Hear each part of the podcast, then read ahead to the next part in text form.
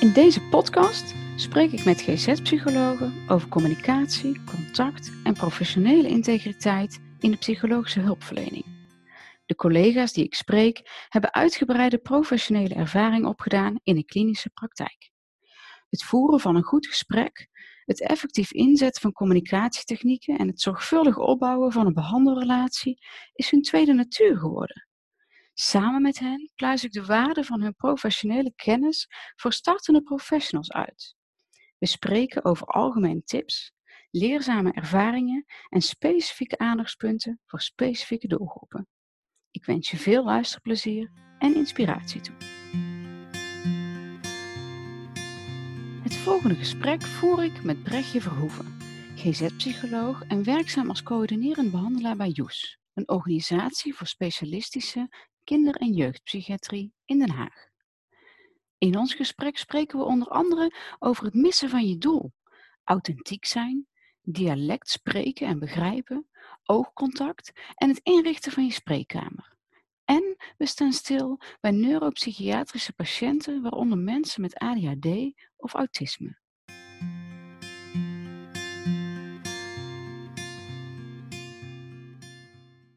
Nou, laten we maar beginnen. Nou, ik vind het wel heel gezellig om, uh, om te beginnen.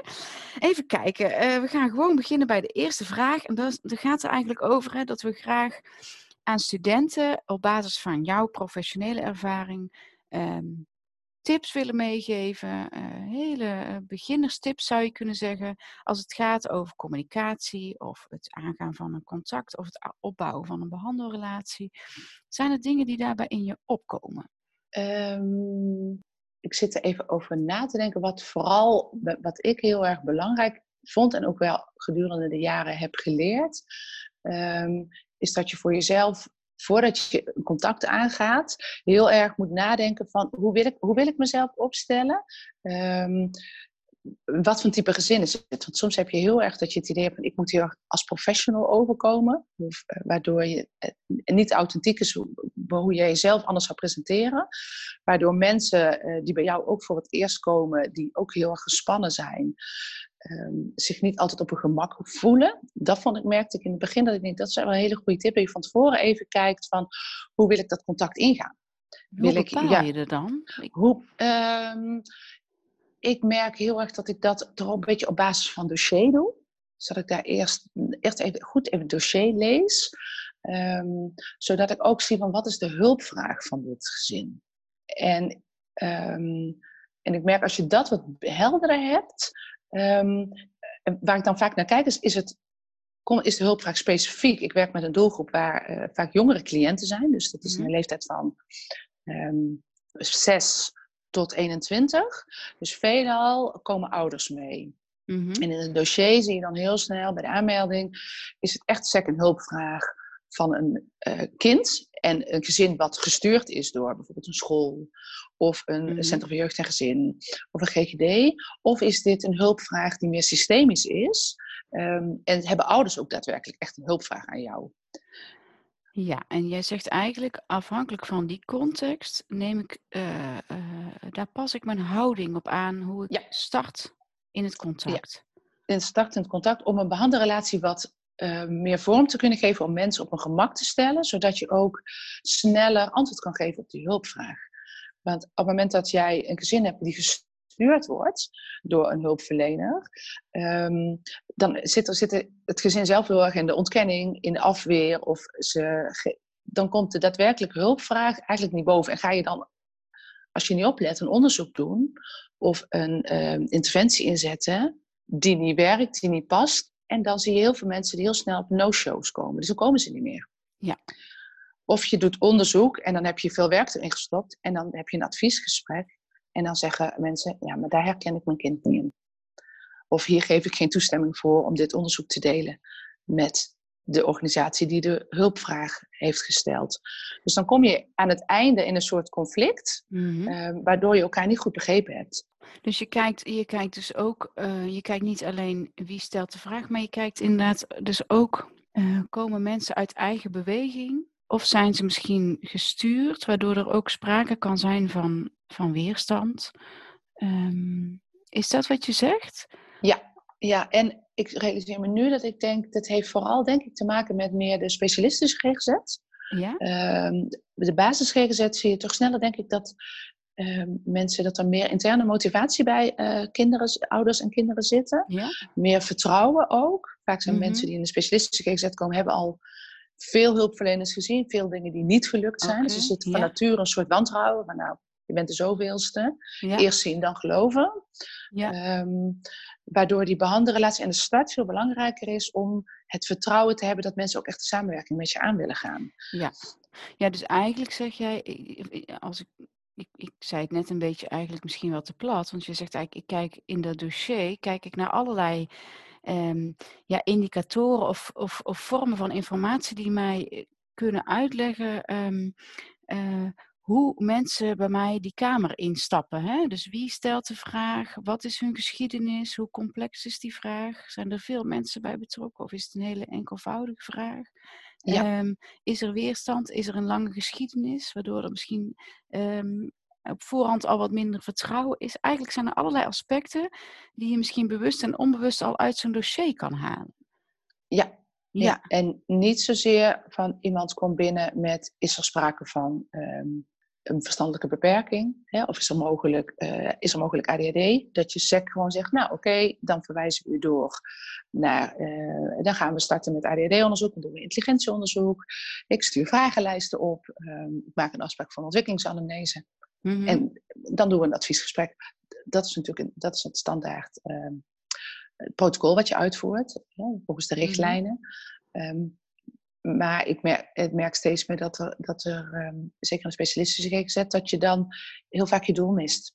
Of een onderzoek ja. doet en dat mensen zeggen, ja, hmm, dat lukt niet, herken ik me niet. Of, of dat je achteraf denkt, oh, ik had eigenlijk veel beter een ander protocol in kunnen zetten. Of nog wat voorwerk moeten doen voordat ik mensen meteen afspraken maak. En, ja, uh, dus je zegt eigenlijk ook, je zegt eigenlijk ook nog volgens mij iets heel anders. Namelijk, let goed op of de vraag waar mensen in eerste instantie mee komen wel de echte vraag is. Ja. En dat Ja. hangt samen, als ik het goed begrijp, met als, je, als het je lukt om een goede, goed behandelcontact aan te gaan, dan kun je misschien makkelijker ontdekken of, of de vraag waar iemand mee komt ook de echte vraag is. Ja, En, Ja, en, zeker. En, en daarmee kun je dan weer bereiken dat, ja, hè, als je natuurlijk je onderzoek richt op de vraag die er eigenlijk daadwerkelijk speelt, dan is de kans op samenwerking en, en een succesvolle afronding van zo'n traject eh, voor alle partijen eh, ook groter. absoluut. Ja. Ja. Ja. En dat is, dat is, en als je als student bent, sta je daar niet zoveel bij stil. Dan ben je nog heel erg bezig met de enkelvoudige vraag. Maar als je net zoals ik uiteindelijk ehm, verantwoordelijk bent voor een kliniek waar kinderen, eh, psychiatrisch, of psychiatrische kliniek waar kinderen opgenomen zijn, klinisch, ehm, voor, tussen de 6 en de 12 jaar. Dus als je Ja. op die leeftijd al klinisch opgenomen moet worden eh, en je leest een dossier van 30 pagina's dik, dan hebben deze kinderen op een jonge leeftijd al Ja. 10, 12 verschillende organisaties en, en hulpverleningstrajecten gehad. Ja. En dan is het eigenlijk heel zonde dat pas na zes ehm, ADHD-onderzoeken, ehm, schoolobservaties, ehm, systeeminterventies, er gekeken wordt, goh, maar mogelijk is, het, is dat de vraag helemaal niet, maar speelt er autisme? Ja. Of hoe is er gekeken naar de complexe voorgeschiedenis en zijn ouders enorm belast? Eh, En moet je Ja. op een hele andere manier gaan onderzoeken. Ehm, Ja, je schetst hier dus eigenlijk ook meteen de, de, de complexiteit hè, van, het, van het werken in de specialistische GGZ. Ik, ik vind het wel interessant dat we dat zo eens een beetje uitrafelen en, en, en dat we daarvan kunnen leren dat ehm, ja, sowieso elk mens is uniek, hè, maar eh, ehm, elk gesprek vraagt dus ook om een eigen start en om een bewuste ja, een bewuste start vanuit de, vanuit de professional. Je kan er niet, je kan er niet eh bleu en onbevlogen altijd eh, enthousiast inspringen. Nee, en, en dat, dat is denk ik iets wat je natuurlijk gedurende de jaren ook leert. Dat je dan ook je bewust mag zijn van je eigen rol in zo'n situatie. Ja, Ehm, en, en dus ook heel erg kijkt van, hé, hey, wat doet dit gezin met mij? Hè, wat, wat, Mm. want dat, dat zie je ook. Dat je zelf ook een bepaalde, los van je, je kennis, ook wel een bepaalde houding merkt bij jezelf. Van, oeh, oh, dit, dit, dit voelt niet fijn. Of oh, het, het voelde wat vijandig. Of oh nee, wacht even, deze mensen die willen juist heel graag hulp. Of dat je daar ook met dat, die kennis achteraf ook wel wat kan doen. En, en dus ook het heel belangrijk is om, om um, in, in werkbegeleiding uh, goed te bespreken. Van, wat, dat je los van het inhoudelijke stuk ook um, de algemene ervaring deelt. Hè, de algemene indruk die je hebt van een cliënt, die je hebt van het systeem. Wat, wat het met jou als professioneel hulpverlener doet. Dat je dat soort dingen ook gebruikt in je diagnostiekproces. Ja, ik hoorde jou ook nog aan het begin zeggen, Brechtje, van um, authentiek zijn. Ja. Wat, ja. wat betekent dat voor jou? Um, voor mij persoonlijk betekent dat um, ik zit even te denken. Ja, ik praat van nature. Als ik, ik ben heel eh, druk, expressief, praat heel erg snel. En ik heb soms, ik heb tijd met, ik werk al lang met de neuropsychiatrische doelgroep. Uh, mensen met ADD zijn natuurlijk net zo snel, maar mensen met autisme hebben gewoon een langere verwerkingstijd nodig. En ik merkte heel erg dat ik in het begin het idee had dat ik langzamer moest gaan praten en meer op mijn woorden moest gaan letten en mezelf anders voor zou doen dan dat ik dat zou doen in een andere, met een andere doelgroep. En ik merkte dat dat heel erg verwarrend was. Terwijl voor je juist voor jou? Of voor de ander? Nee, voor de, voor de ander. Ja. ja en ik, zelf, ik werd er zelf ook wat onrustiger van. Omdat je dan veel meer bezig bent met... Oh, ik moet me zo opstellen. Oh, kan het wel? Ja. Uh, kan ik wel... Hè? Oh, wacht, mensen met autisme hebben moeite met um, gebaren. Um, missen non-verbale signalen. Kan ik dan wel uh, met mijn handen praten? Ja. Kan ik dan... Uh, mag ik uitdrukkingen gebruiken? dat ik daar heel... ja, eigenlijk door daar zoveel mee bezig te zijn... Um, eigenlijk de, de, essentie miste. Ja, ja, dan ga je echt een rol spelen eigenlijk. Ik ga een rol, en ja, en, ja. en ik merkte juist dat dat mensen heel erg verward. En door authentiek te zijn, maar ook door aan te mogen geven. Want in het begin heb je het gevoel van ik moet, ik moet alles weten, ik moet op elke vraag antwoord kunnen geven. Maar dat het ook oké okay is om te zeggen, nou, ik kan eigenlijk niet daar direct antwoord op geven. laten we er samen eens verder naar kijken. Ik ga het er zelf hè, daarna nog eens verder. Ik ga het uitzoeken, ik ga erover nadenken, ik ga het bespreekbaar maken. Dat als je dat gevoel hebt, dat het oké okay is. Ja, precies. Dus, dus jezelf blijven. En dat wil denk ik niet zeggen dat je niet af en toe je aanpast aan anderen, maar wel op een manier die bij je past. Ja, om te zorgen dat je in ieder geval het behandelcontact goed vorm kan blijven geven. En dat ja. je niet zo met een rol bezig bent dat je het contact verliest.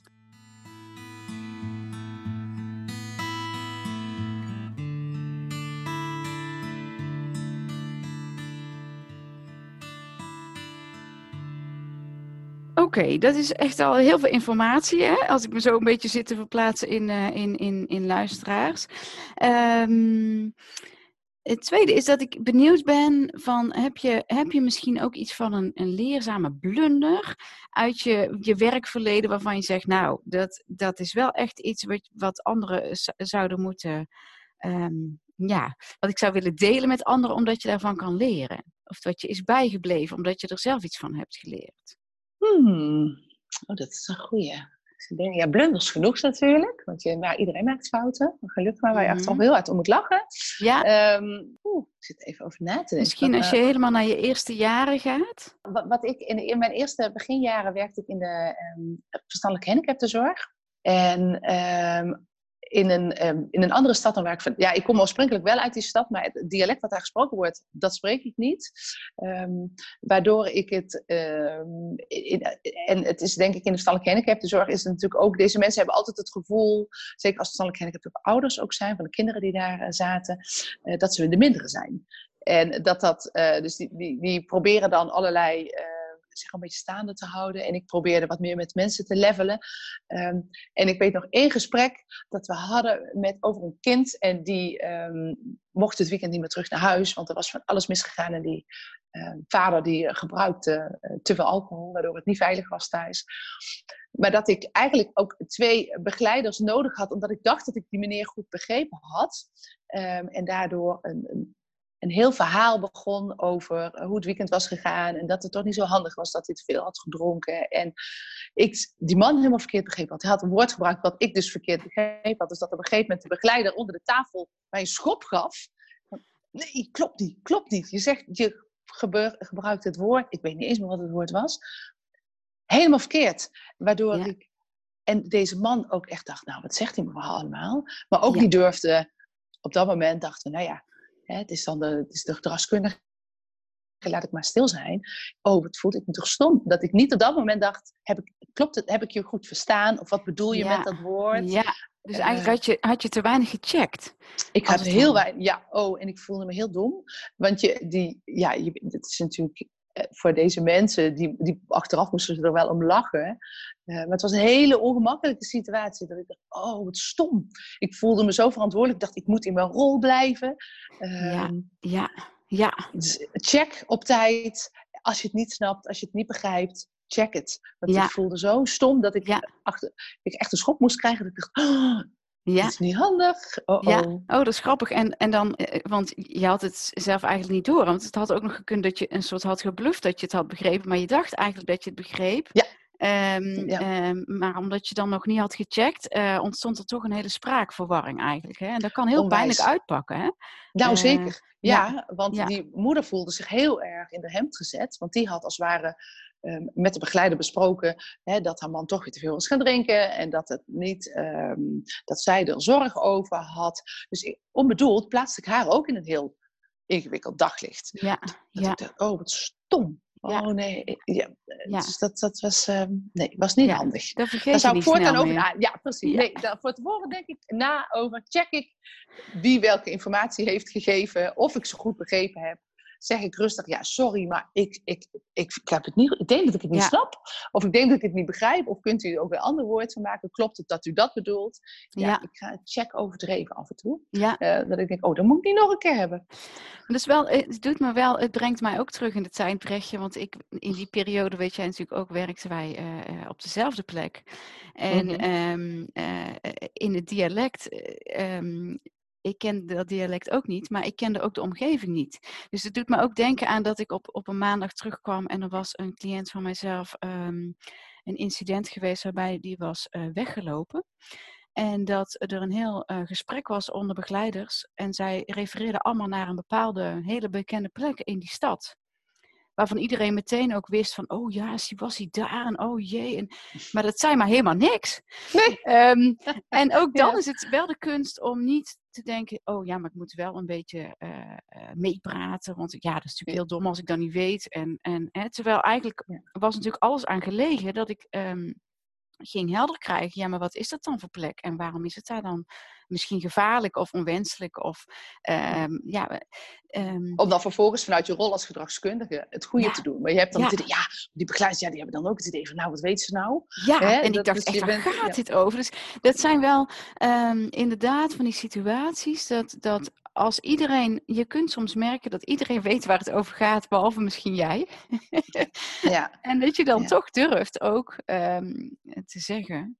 ja. en dat Maar maakt je jongens, geen minder even. eh, gedragswetenschapper. Ja, Maar dat is, ja. dat, en zeker in het begin denk je, oh, ik moet het toch weten.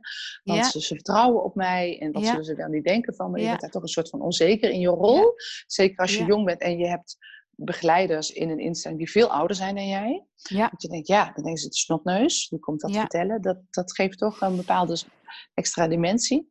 dus het, het refereert ook wel een beetje aan jouw eerdere opmerking van ehm, als je het niet weet, dan geef het gewoon aan en dan ga het uitzoeken. Hè? In plaats Ja. van daar. ehm, Mensen voelen zich dan veel meer gehoord dan dat Ja. jij het idee hebt van ik moet me er doorheen bluffen.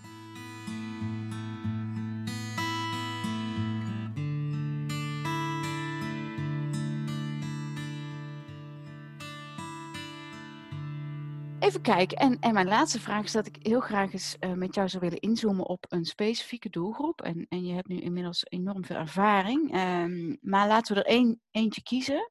En eens even Mhm. kijken van, goh, ehm, ja, welke, welke specifieke aandachtspunten zou je willen meegeven eh, bij die doelgroep? En welke doelgroep zou, zou je willen, ehm, willen voorstellen? Ik denk dat een doelgroep eh, voor de neuropsychiatrische patiënten, Mhm. eh, dat wil zeggen dat zijn eh, kinderen, gezinnen waarin ADHD, ADD, eh, dan wel een stoornis in het autisme spectrum een rol speelt. Ja, Ehm, omdat dat een doelgroep is die ehm, vrij complex is. Waarin je als. als het, het, is een, dat is een genetisch, uh, veelal een genetisch probleem.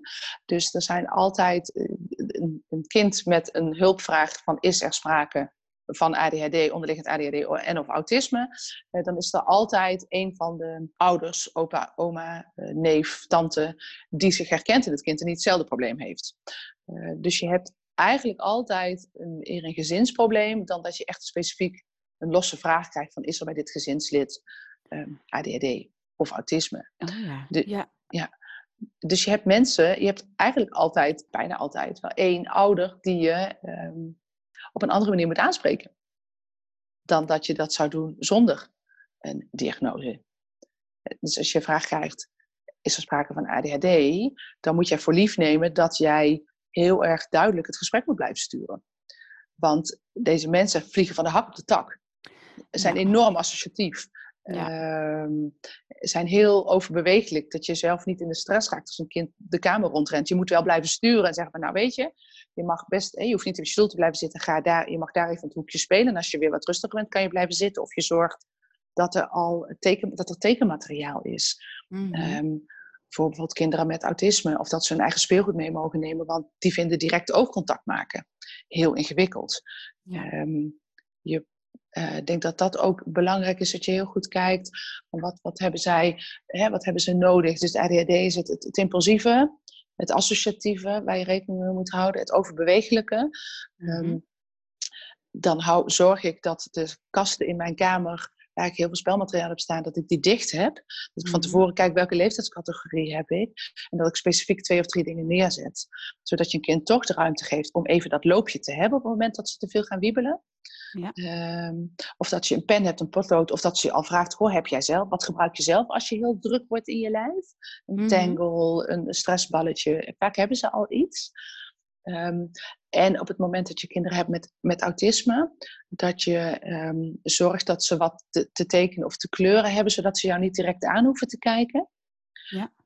dan ga ik zelf uh, bij dat soort gezinnen altijd niet tegenover kinderen zitten of mensen zitten, maar altijd schuin, zodat ze de kans hebben om jouw oogcontact te ontwijken. En schuin als in 90 graden? 90 graden, ja. ja. diagonaal. Dus dat je wel uh, mensen aan, maar dat ze je ze de ruimte geeft om weg, te kunnen kijken. kijken. Ja. ja. En kan je toch contact met iemand hebben, ook al kijk je elkaar niet aan? Ja, vind ik wel. Ja, juist omdat zowel met, de, zowel met mensen met ADHD als autisme, ehm, dan op het moment dat je ze dwingt tot oogcontact, um, dan kunnen ze vaak geen antwoord geven op jouw vraag. Ja. Want mensen met ADHD leidt het dan te veel af. Ehm, en mensen met autisme verwachten het, waardoor zij niet meer uh, zich kunnen, naar binnen kunnen richten en daadwerkelijk kunnen antwoord geven van wat gebeurt er nou? wat wil ik nou zeggen, de draad van een verhaal vast kunnen houden. Ja. Um, Dus dat moet je accepteren. En ik, ik merk dat ik zelf tegenwoordig ook, op het moment dat ik ouders voor me heb en die hebben zoiets van, ja, ja uh, Pietje, kijk, kijk die mevrouw eens aan. Mm -hmm. Dat ik zeg, nee, want dat is niet nodig. Of dat ik dan de vraag kan stellen, goh Pietje, uh, helpt het jou om, kan je mij horen op het moment dat jij tekent? Kan je mij antwoord geven? En bijna altijd krijg ik dan antwoord, ja, dat kan ik. Ja. Um, maar dat dan ouders zoiets hebben voor, voor, het gevoel, ja, maar je moet die mevrouw aankijken. Het is niet netjes, ja. ben beleefd. Ja. Uh, terwijl ik nu heel veel, nu eigenlijk uit ervaring weet, dat moet je helemaal niet willen verwachten. Wil jij contact kunnen maken met een kind? Wil jij, wil je dat een kind met ADHD antwoord kan geven op jouw vragen? Hoe het met ze gaat, wat, wat lukt, wat niet lukt. Dan moet je dat toestaan. Dat een kind wiebelt op een stoel, dat het beweegt, dat het af en toe opstaat, uh, dat het geen oogcontact kan maken. Ja, en jij begon over die erfelijke component. Dus, dus um, houd je daar dan ook rekening mee bij die ouders als het bijvoorbeeld gaat over dat oogcontact? Ja, ja. ik vraag ook altijd in de eerste intake, is een van de vragen ook, je hebt dat, vraag altijd familiaire belasting uit. Mm -hmm waardoor, wij, uh, waardoor je ook uh, altijd een, een, van de ouders dan zegt van nee, ja, ik herken me wel in mijn zoon of dochter. Toen ik jong was, vond ik het ook, had ik ook geen moeizaam contact met leeftijdsgenoten. Of toen ik jong was, zat ik ook de helft van de tijd uh, buiten op de gang te werken, omdat het te druk was in de klas. Mm -hmm. of, of uh, had ik de ene ongeluk na het andere ongeluk, uh, omdat ze eerst doen en dan denken. Um, dus dat, dan weet je al um, hoe zo'n ouder in elkaar zit en waar je dus rekening mee moet houden. niet te veel vragen tegelijk stellen. Um, degene de tijd geven. Hè? Mensen met autisme hebben een veel trage verwerkingssnelheid. Geef mensen de tijd, vul het antwoord niet in, wacht op het antwoord wat komt. Ja. Uh, dus dat zijn wel voor mij hele, daar hele help, help, ja, hoe zeggen, bruikbare tips. Die ik ook van Mhm. collega's van mij gekregen heb. ehm, om uit te voeren. Zet Ja. kaders neer. Ja, dat is een hoop informatieberichtje. Ja, Ja, sorry. daar kunnen we echt veel van leren. Nee, maar dat vind ik dus heel leuk. En ik, ik vind het fijn dat je het zo specifiek kan uitleggen en eh, eh, heel concreet kan maken, waar je allemaal eh, op kan letten. ehm, eh, eh, Nou, om een beetje het gevoel te hebben dat je in control blijft. Want Ja. anders heb je zo'n ADHD-kind wat de kamer rondvliegt. Ja, Waardoor je echt na een half uur denkt, wat wat is me gebeurd? ja, En, ja, en dan zo'n kind buiten en dan denk je, oh, ik had dit willen doen. Oh, het is natuurlijk een leerzame observatie. Ja. Ehm, en dat is ook prima. Mag je ook een aantal keer gebeuren. Ja. Ehm, en soms gebeurt het mij nog wel, dat ik het onderschat. Ehm, maar ik heb nu wel meer tools dat ik van tevoren denk, oh wacht, ik ga het zo neerzetten. Want dan krijg ik er in ieder geval, eh, heb, ik een, heb ik een productief contact.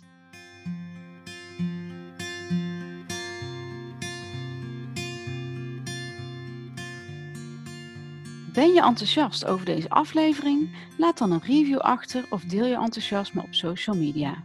Dit helpt om andere studenten en startende professionals te informeren en maakt de podcast beter vindbaar.